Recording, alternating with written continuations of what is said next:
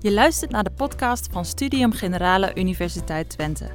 Met inspirerende verhalen over wetenschap en de wereld.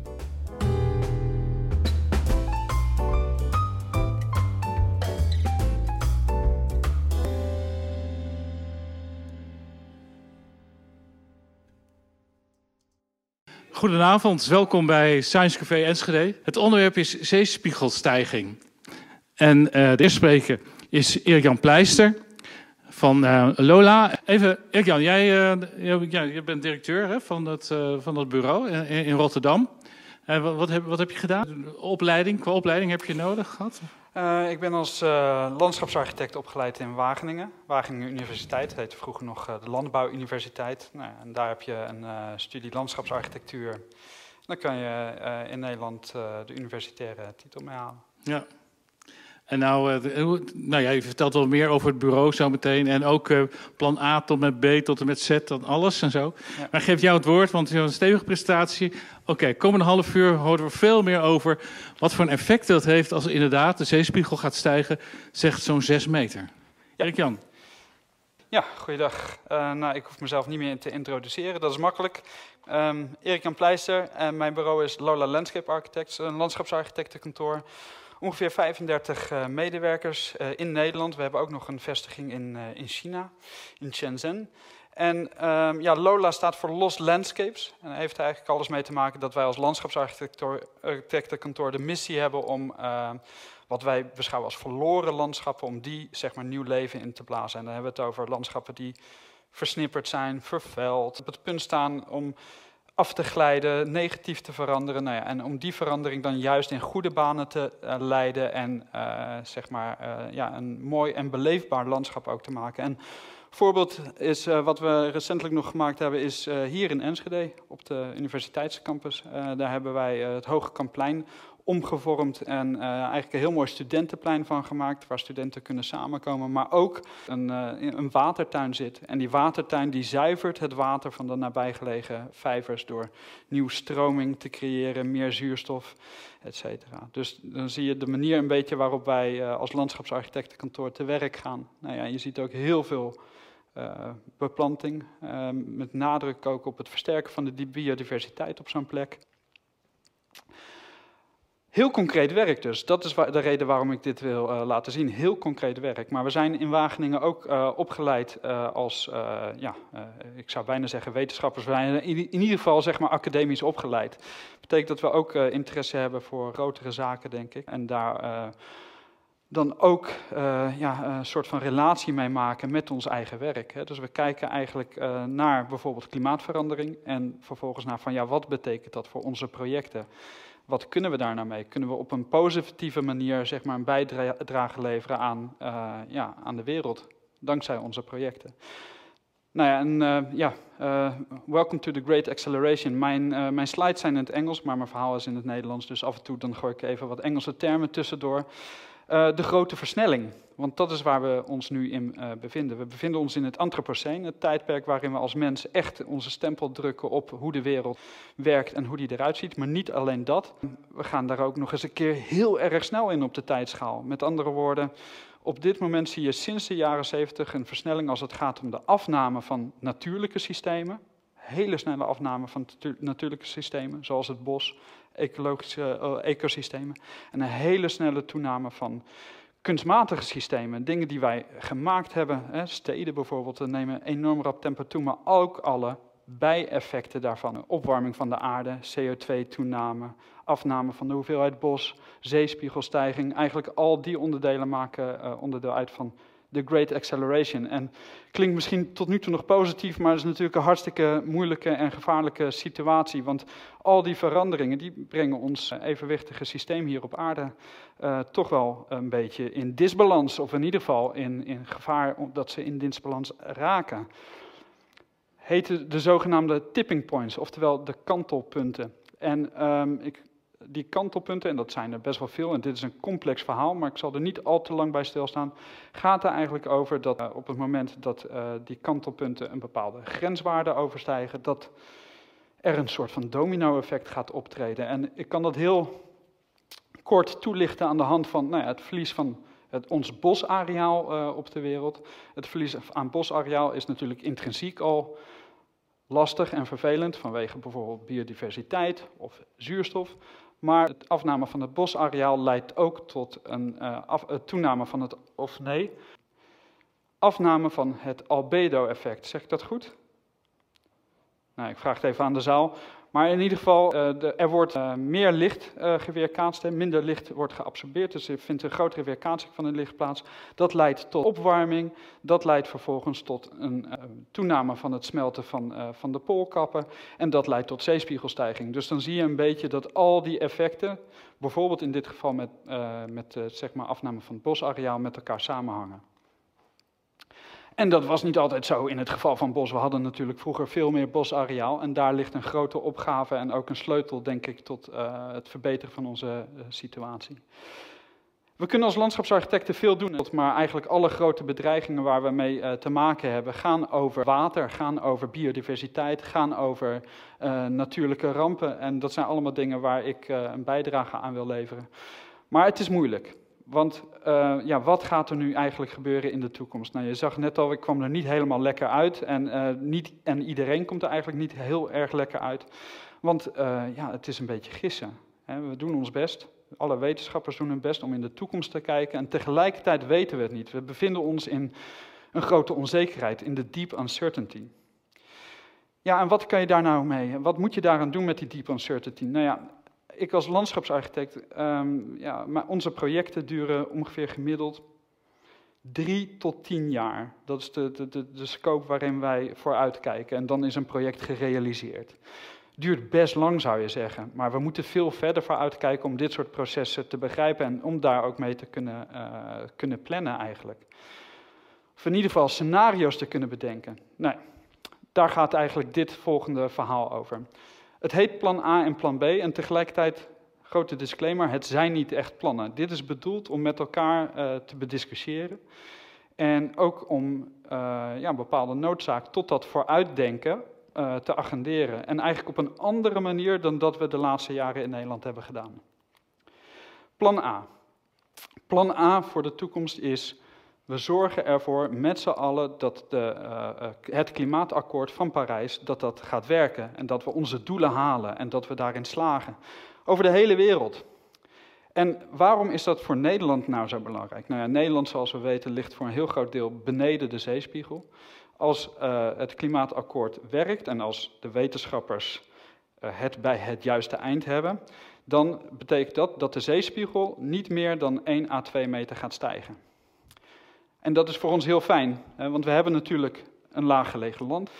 Um, we hebben natuurlijk een prachtig dijkensysteem. Ik heb het boek Dijken van Nederland geschreven. Misschien dat sommigen van jullie dat wel eens gezien hebben maar eigenlijk uh, daarin uh, een soort van lofzang gemaakt op de schoonheid van onze dijken en de cultuurwaarde die dat uh, met zich meebrengt. Nou, je ziet het prachtig dijkenstelsel, eigenlijk over heel Nederland. 22.500 kilometer aan dijken, zowel functionerende dijken als historische dijken.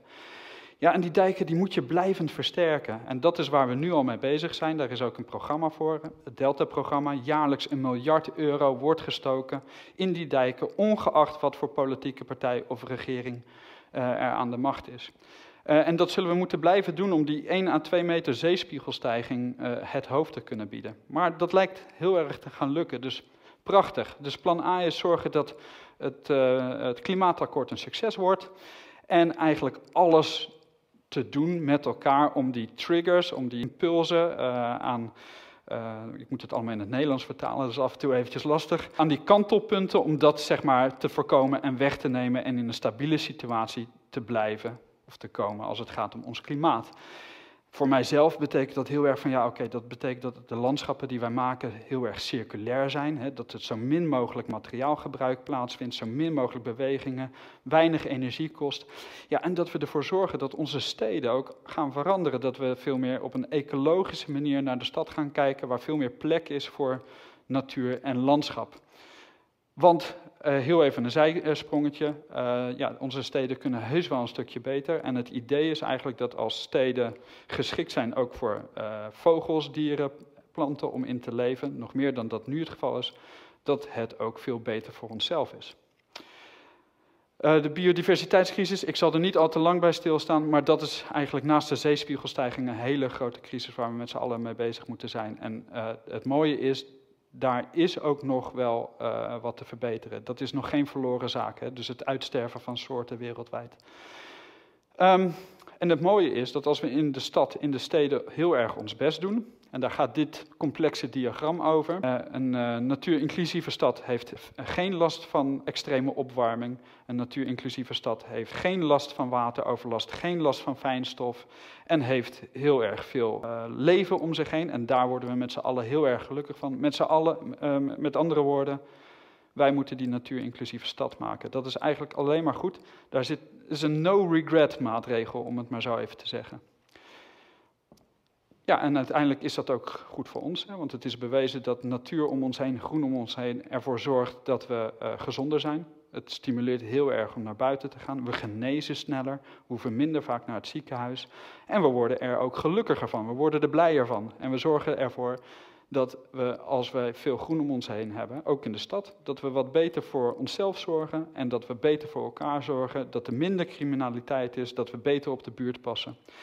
Met andere woorden, belangrijke opgave voor de toekomst. Natuur inclusieve stad, onthoud hem. Wij zijn er in ieder geval uh, heel erg hard mee bezig. En dat is dus plan A. Gewoon stink, ons uh, stinkende best doen. Met z'n allen ons stinkende best doen dat het allemaal weer goed wordt en beter wordt. Maar, en dit is een plaatje van Trump. Het is eigenlijk al achterhaald. Het is hartstikke leuk. Um, we hebben nu natuurlijk Biden. Maar wat als het klimaatakkoord niet werkt? Of als het niet slaagt? Omdat de politiek in dit geval de ene kant van links naar rechts gaat en mensen uh, ja, rare beslissingen nemen, zich terugtrekken uit dat klimaatakkoord. Wat gebeurt er dan eigenlijk? En ja, ongeacht de Amerikaanse president of de Chinese regering of wat dan ook, uh, is er nog maar de vraag of we in Nederland zelf überhaupt wel dat de doelstellingen van het klimaatakkoord uh, weten te halen. Veel mensen denken van niet. Meerderheid van de mensen denken van niet. Ik geloof iets van 70 procent. En ja, we hebben het dus ook eigenlijk alleen uh, al lang niet meer over klimaatverandering. Het gaat echt serieus hier over een klimaatcrisis. En ja, met de pandemie van van de corona is deze crisis natuurlijk een beetje op de achtergrond uh, geschoven dit jaar. Uh, terwijl het vorig jaar nog in een heel erg grote stroomversnelling was. Maar ja, het lijkt er wel op dat we die doelstellingen niet gaan halen. En wat als die tipping points waar ik in, in het begin over had, echt zeg maar doorgang vinden en die poolkappen gaan smelten. Wat gebeurt er dan eigenlijk? Nou ja, er is voldoende ijs en water aanwezig om de zeespiegel echt een flink eind te laten stijgen. Nou, dan hebben wij dat eigenlijk niet als uitgangspunt genomen in ons denken over de toekomst. We hebben eigenlijk gezegd van laten we gewoon naar rapporten kijken van wetenschappers. En het eh, IPCC, dat is een wetenschappelijk panel, die houden zich bezig met uh, voorspellingen over de zeespiegelstijging. En we hebben van hen het meest extreme scenario genomen, maar niet een ondenkbaar scenario. En dat scenario is dat we hier te maken krijgen met een zeespiegelstijging van 3 meter tegen 2100 en 6 meter 2200. En 2085, dat is het moment waarin we dan de cruciale 2 meter weten te bereiken. En dat is dus het moment dat onze dijken eigenlijk niet meer geschikt zijn om uh, die zeespiegelstijging aan te kunnen. Nou, wat betekent dan eigenlijk? Nou ja, Deltaris uh, Instituut uh, in Delft heeft dat vorig jaar alles een keertje in beeld gebracht. Betekent dat onze dijken het eigenlijk niet aankunnen en dat we onze dijken ook niet oneindig lang kunnen blijven verhogen. Dat is heel grappig, want dijken is een systeem dat, hebben met, dat is uitgevonden in Nederland, eigenlijk in China, maar in Nederland hebben we dat uitgevonden ongeveer 700 voor Christus. Dan zijn we ooit begonnen met het eh, stapelen van plaggen, en kleine, kleine drempeltjes van 70 centimeter. En dat is uitgegroeid tot de dijken die we nu hebben. Nooit heeft iemand erbij stilgestaan dat we wel eens hele, hele, hele hoge dijken zouden moeten maken. Dus we zijn eigenlijk min of meer dat systeem ingesukkeld, zou je kunnen zeggen. En nu hebben we er maar mee te dealen. We moeten elke keer die dijken verder uh, verhogen, terwijl het land, moeten we niet vergeten, best in een rap tempo aan het zakken is. En dan heb ik het niet over dit gedeelte van Nederland, daar komen we straks nog op terug, maar het westen van Nederland natuurlijk. En we kunnen die dijken dus niet eindeloos uh, blijven verhogen. Daar hebben we en de technologie niet voor, uh, en het zand niet voor. Uh, de economie zou er gigantisch onder lijden als we alles af zouden moeten sluiten, de havens bijvoorbeeld. Um, En het is een enorm kostbare zaak. Hè. Dus moeten we niet vergeten dat de, de, hoeveelheid geld die we daarin moeten steken, ja, en exponentieel zal toenemen om dat stijgende water het hoofd te bieden. Nou ja, sommige, sommige filosofen en wetenschappers zijn dan ook uiterst negatief. Die beschrijven in boeken en publicaties het einde van Nederland al. Hè. Dus dit, is, dit boek bijvoorbeeld laat uh, als voorbeeld op pagina 1 uh, the nation formerly known as the Netherlands zien. Dat is Nederland en het bestaat niet meer, want het is ondergelopen. Nou, dat is een hele negatieve benadering, maar we kunnen er in Nederland ook wat van hoor. Want dit, deze serie was natuurlijk een aantal is het inmiddels een jaar, een paar jaar geleden op televisie. Uh, wat als de dijken breken? Nou ja, daar zitten we met z'n allen op een hoogspanningsmast. Uh, moeder, moederziel alleen uh, wachten om gered te worden. En daar in die serie werd ook geen enkele oplossing geboden voor degenen die hem gezien hebben. Ja, en niet voor niks dat scholieren en studenten, de generaties die het hier echt van moeten hebben, en die zeg maar met de consequenties hiervan te maken gaan krijgen, dat die zich gewoon echt ontzettend ongerust maken. En die gaan de straat op en die gaan protesteren, want ze zien eigenlijk geen toekomst binnen dit hele verhaal van de klimaatverandering. Want waar zijn de oplossingen? Wie biedt er een keer oplossing? Niks. Het is alleen maar de opeenstapeling van problemen op problemen op problemen op problemen. De ene dag is er weer een nieuw record als het gaat om temperatuur, de andere dag is er weer een nieuw record als het gaat om neerslag en zo verder en zo verder en zo verder. Met andere woorden, ja, waar is plan B? Hij staat daar links op het beeldscherm, daar links. There is no plan B, there is no planet B. Nou ja, dat stimuleerde mijn bureau en ons heel erg om daar nou eens over na te denken. Want ja, uh, dat is toch ook een beetje ons vak, plannen maken zou je kunnen zeggen. En ook eigenlijk, ja, soort van, we willen niet aan de kant blijven staan en niks doen en maar gewoon opdrachten uitvoeren voor, voor ontwikkelaar dit of overheid zo, zonder eigenlijk hierover na te denken. En we willen ook heel graag gewoon een alternatief bieden en eigenlijk laten zien dat... Um, dat er ook positieve verhalen te vertellen zijn, eh, maar dat er ook wellicht andere toekomsten te bedenken zijn. Want we zitten heel erg vast in de lockdown van onze eigen toekomst. Het eigen systeem van het denken over dijken en dammen en IJsselmeer, etc. Met andere woorden, plan B. En plan B, ik zeg het nogmaals, het is eigenlijk geen plan, het is een denkraam. Het is een vertrekpunt voor wat eigenlijk plan B zou moeten gaan worden. Maar het gaat er eigenlijk vanuit van, ja, uh, nou, je ziet hier een klimaatvluchteling zou je kunnen zeggen. Uh, iemand uit 1953, uh, eh, getroffen door een ramp. Dat willen we niet. We willen niet wachten op de volgende ramp en dan in actie komen. Dat zou natuurlijk afschuwelijk zijn. En ja, uh, binnen het Nederland van nu, ja, er wonen natuurlijk miljoenen mensen in het westen van Nederland. En als die getroffen worden, door een ramp, ja, dan zijn we wel verder van huis. Dus we willen natuurlijk voorafgaand daaraan nadenken over de toekomst en alternatieven bieden. En we kunnen daar ook grote plannen bij maken. Dit zijn natuurlijk plannen die uh, in het verleden gemaakt zijn. Het Deltaplan en een grote plan voor de inpolderingen. We hadden daar een traditie in om op een grote schaal, op een grootschalige manier over Nederland na te denken. Dit heel erg uitvoeringsgericht. Maar als je kijkt naar de nota's ruimtelijke ordening, uit de tijd dat we nog een ministerie voor ruimtelijke ordening hadden, wat dit is eigenlijk een heel groot pleidooi om een ministerie van Ruimte weer terug te brengen. Want dat hebben we ontzettend nodig om eigenlijk dit soort opgaves uh, aan te kunnen. Ja, en daar hadden we een traditie in. En die traditie die zorgde ervoor dat we de compacte steden bijvoorbeeld met elkaar gemaakt hebben. Waar we nu ontzettend trots op zijn. Maar tegelijkertijd lijken we dat te, te, te zijn vergeten. dat het niet zomaar vanzelf ontstaan is, maar dat is een kunde, dat is een vak. Dat mijn vak. Um, nou ja, we hebben uh, desondanks door de tijd heen veel aanpassingen gedaan aan onze dijken, steeds hoger gemaakt. Het probleem is, als die klimaatverandering steeds sneller gaat en die zeespiegel steeds sneller gaat, dat uh, de aanpassingen doen, die we doen aan de dijken steeds minder lang effectief zijn. En we zouden wel eens in de situatie terechtkomen dat terwijl we bezig zijn met aanpassen van de dijk, het verhogen van de dijk, dat we erachter komen dat die specifieke verhoging eigenlijk al niet meer voldoende is. Dus het systeem is al outdated, terwijl we nog bezig zijn met dat systeem uh, te, uh, te versterken. Met andere woorden, is het niet tijd voor een ander plan? Wat is eigenlijk onze andere toekomst? Hebben we een andere toekomst dan alleen het nadenken uh, binnen onze polders, dijken, dammen, uh, et cetera? Ik heb dat geprobeerd te verbeelden en dit is een soort van spoorboekje.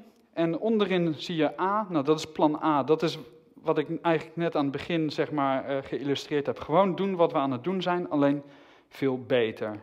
Maar we, doen, we veranderen het systeem niet. Maar B, C, D en E, dat zijn eigenlijk grote systeemveranderingen. Uh, ver weg in de toekomst, nou, je ziet daar 2200 staan, hè, dus dat is niet morgen. Maar dat geeft wel aan dat we hopelijk nog wat te kiezen hebben in onze toekomst. Moeten we ons nou echt neerleggen bij het feit dat Nederland is zoals het is, of zijn we ook in staat om in een ander Nederland na te denken?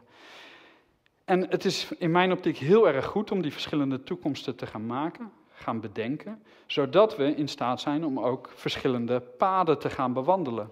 En wellicht, hè, die, die, die plannen moeten ook adaptief zijn, die moeten zelf ook kunnen veranderen. Dus we moeten geen blauwdrukken gaan maken. Dat gaat niet meer. We moeten geen blauwdrukken maken zoals Deltaplan. We moeten adaptieve plannen maken, maar wel met verschillende koersen, met verschillende eindbestemmingen. Ja, en wellicht is het niet nodig. Hè? Dus wellicht koersen we op een gegeven moment naar plan uh, D of naar plan E. En komen we erachter dat het allemaal wel meevalt met die klimaatverandering. En kunnen we alsnog terugzakken in de huidige situatie. Wie weet. Maar misschien komen we er wel beter uit. Met andere woorden, laten we ons nou eens een keer een beter Nederland voorstellen, maar dan in dit geval, in dit voorbeeld, plan B, zonder dijken, dammen en polders. Wat zou dat eigenlijk betekenen? Kunnen we dat maken? Kunnen we daar zeg maar in leven? Kunnen we daar uh, in floreren? Hoe gaat dat met onze economie? Nou, eventjes uh, vanaf het begin, zeg maar. Nederland ligt voor een groot deel binnen, beneden uh, de, de zeespiegel. Dat wordt natuurlijk alleen maar meer. Bij een scenario van plus 6 trekt die lijn eigenlijk oostwaarts, hè, die zwarte lijn. Die zwarte lijn staat nu op 0, maar die trekt, trekt eigenlijk een behoorlijk eind oostwaarts. In het plaatje aan de rechterkant zie je eigenlijk het probleem waar we nu al mee zitten, namelijk dat 9 miljoen mensen 9, in, in 59% van het overstromingsgevoelige deel van Nederland wonen. Dus een derde is eigenlijk nog niet alles langs de rivieren, ook bovenstrooms, daar zijn grote overstromingsrisico's. 59% van Nederland is overstromingsgevoelig. Ik heb een mooi, uh, mooi cirkeltje rondom Enschede uh, gezet. En dat, is heel erg leuk, want als we door de presentatie heen klikken, dan lijkt hier alles wel redelijk uh, zeg maar op het droge. Hè? Ja, eigenlijk hadden we dat vroeger met z'n allen moeten doen, gewoon op de hoge gronden gaan wonen. Wie heeft ooit bedacht dat we in dat laag Nederlands zijn gaan wonen? Maar in ieder geval, het plan dus, het voorstel om gewoon een grootschalige verhuizing te gaan doen. En met z'n allen inderdaad deze kant op te gaan komen. En dat vraagt van iedereen wat offers, maar wat levert het op? En dat gaan we zo zien. Dat is dit plaatje wat we geschetst hebben. En dat is een plaatje wat uh, anderhalf jaar geleden, of het is het bijna twee jaar geleden, viral is gegaan. Toen we dat eigenlijk vrij plomp verloren op internet hebben gezet bedoeld om de discussie aan te wakkeren. Nou, die discussie die kwam er. Maar ik zal eerst even laten zien uh, wat het plaatje precies behelst. Uh, wat we zien is, en misschien dat ik het even zo moet doen, of zal ik het toch zo doen?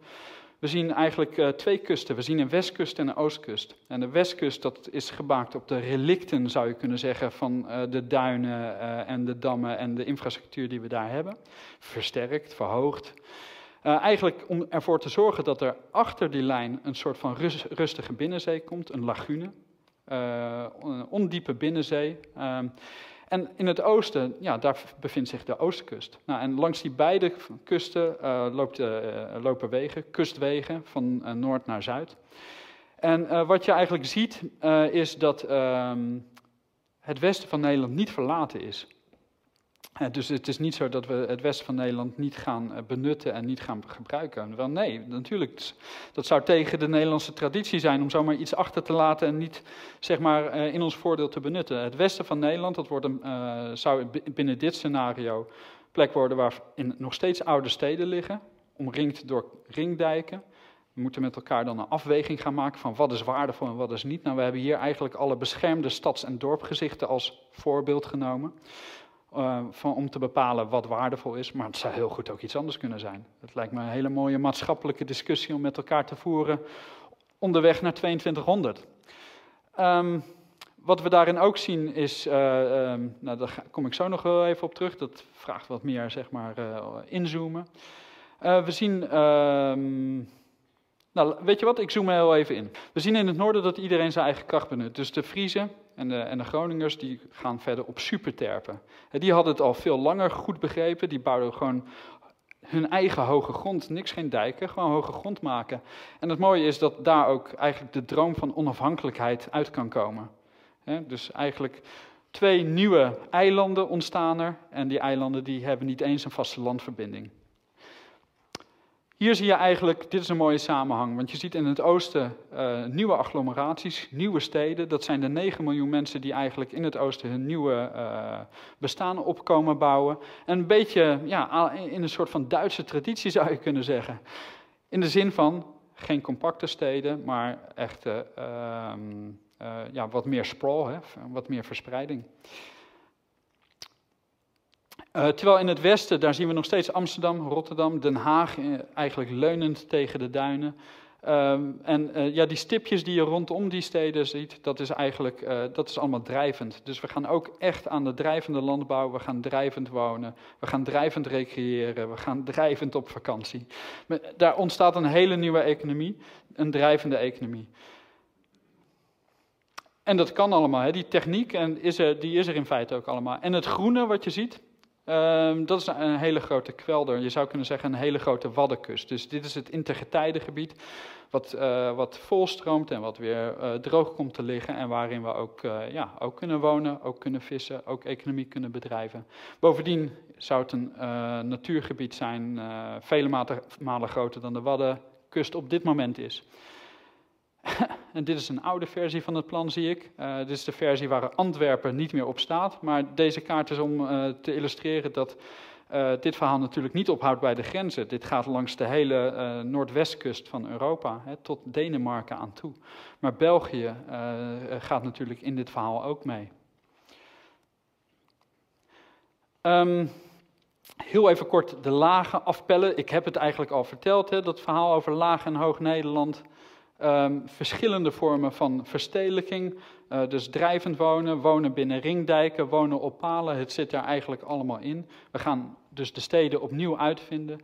Nieuwe infrastructuren, uh, sommige op basis van, uh, van oude kustlijn of op basis van kreekruggen, dat zijn eigenlijk die paarse lijnen.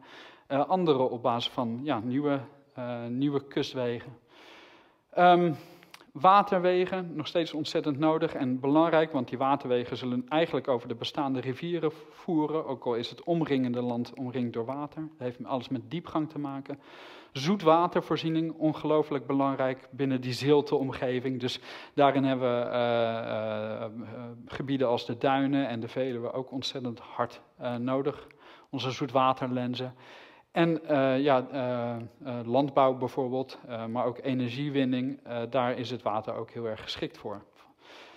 Nou, heel kort eventjes, dat was best een schok, zo'n twee jaar, anderhalf, twee jaar geleden. Mensen zeiden verschillende dingen over dit verhaal. waren mensen die het gelijk eigenlijk accepteerden en zeiden, wat fantastisch, dit is de manier waarop we na moeten denken over de toekomst, met elkaar de discussie aan moeten gaan. Sommige mensen heel erg enthousiast, hè, dus die zeggen van Eindelijk kan ik uh, al kitesurfend naar mijn werk gaan. Uh, en sommigen zeggen, oh, wat ontzettend fantastisch, kan het niet morgen? Nou, dat is natuurlijk met een dikke knipoog, maar geeft wel aan hoe het aanspreekt. Hè. Iemand rechtsonder zegt, tof concept, spreekt tot de verbeelding. Ook dat is adaptatie. Nou, eigenlijk, eigenlijk punt gemaakt. Hè. Mensen die zeggen van, ja oké, maar als dit een plan is, dan heb ik ook nog wel een aantal plannen. Uh, een, dijk voor de kust, de Noordzee droogleggen. Eigenlijk heel veel ingenieursdenken wat er, uh, wat er ook nog uh, leeft en wat er ook is. waar ik het niet altijd mee eens ben, maar het zijn wel initiatieven die zeggen van ja, oké, we willen heel graag meehelpen en bijdragen. En wij hebben ook ideeën vanuit verschillende, ja, vanuit onze eigen expertise. En dan zijn er de sceptici. En de sceptici, ja, dat is misschien wel de, lastigste club. Dat zijn natuurlijk de mensen die zeggen van ja, klimaatverandering. Ja, sorry, maar het klimaat verandert helemaal niet. Of het klimaat verandert altijd, maar niet in de mate zoals jij die nu uh, uitlegt en verbeeldt. Dus wat je hier doet is eigenlijk alleen maar het bang maken van mensen voor je eigen, voor je eigen winst. Nou, dat, is best wel schokkend als mensen dat zeggen natuurlijk. Ik denk dan alleen maar zelf van ja, oké, niet nadenken over de toekomst is eigenlijk je kop in het zand steken. En het probleem is op het moment dat we zeker weten hoe en of en hoeveel het klimaat verandert, dan zijn we eigenlijk te laat. Want dit zijn, het is net een olietanker, die kan je niet zeg maar zomaar bocht omsturen. Dan moet je heel langzaam bij gaan sturen. Het duurt heel erg lang. Het mooie is, um, ondanks de kritiek die het ook gekregen heeft, dit verhaal, en soms niet altijd even goed begrepen werd, heeft het wel zijn effect gehad. Want wat je eigenlijk zag is dat er een, uh, ja, een half jaar later ineens een hele hoos aan dit soort uh, plannen voorbij kwam. Vanuit Wageningen Universiteit, vanuit Delft, vanuit andere architectenbureaus, uh, vanuit, vanuit verschillende overheden. Met andere woorden, er gebeurde ineens heel erg veel. En ieder van deze, van deze scenario's legt het, zeg maar, het accentpunt op een ander op een andere plek. En Wageningen zegt veel meer van ja, Wageningen heeft eigenlijk een plan gemaakt, dat is een soort van plan A. Dus wat ik beschreef als plan A, dat zie je daar aan de rechterkant, een hele groene toekomst voor Nederland. Um, wat er nu gebeurt, is dat uh, de Delta-commissie, dus die commissie van wijze mensen die jaarlijks zeg maar, met een flinke pot geld nadenken over hoe we Nederland uh, waterveilig maken en houden, serieus uh, vier sporen aan het verkennen is aan de hand van onder andere dit scenario. En het spoor is uh, de dijken blijvend versterken. Ander spoor is een nieuwe dijk maken voor de kust, voor deze kust zelf.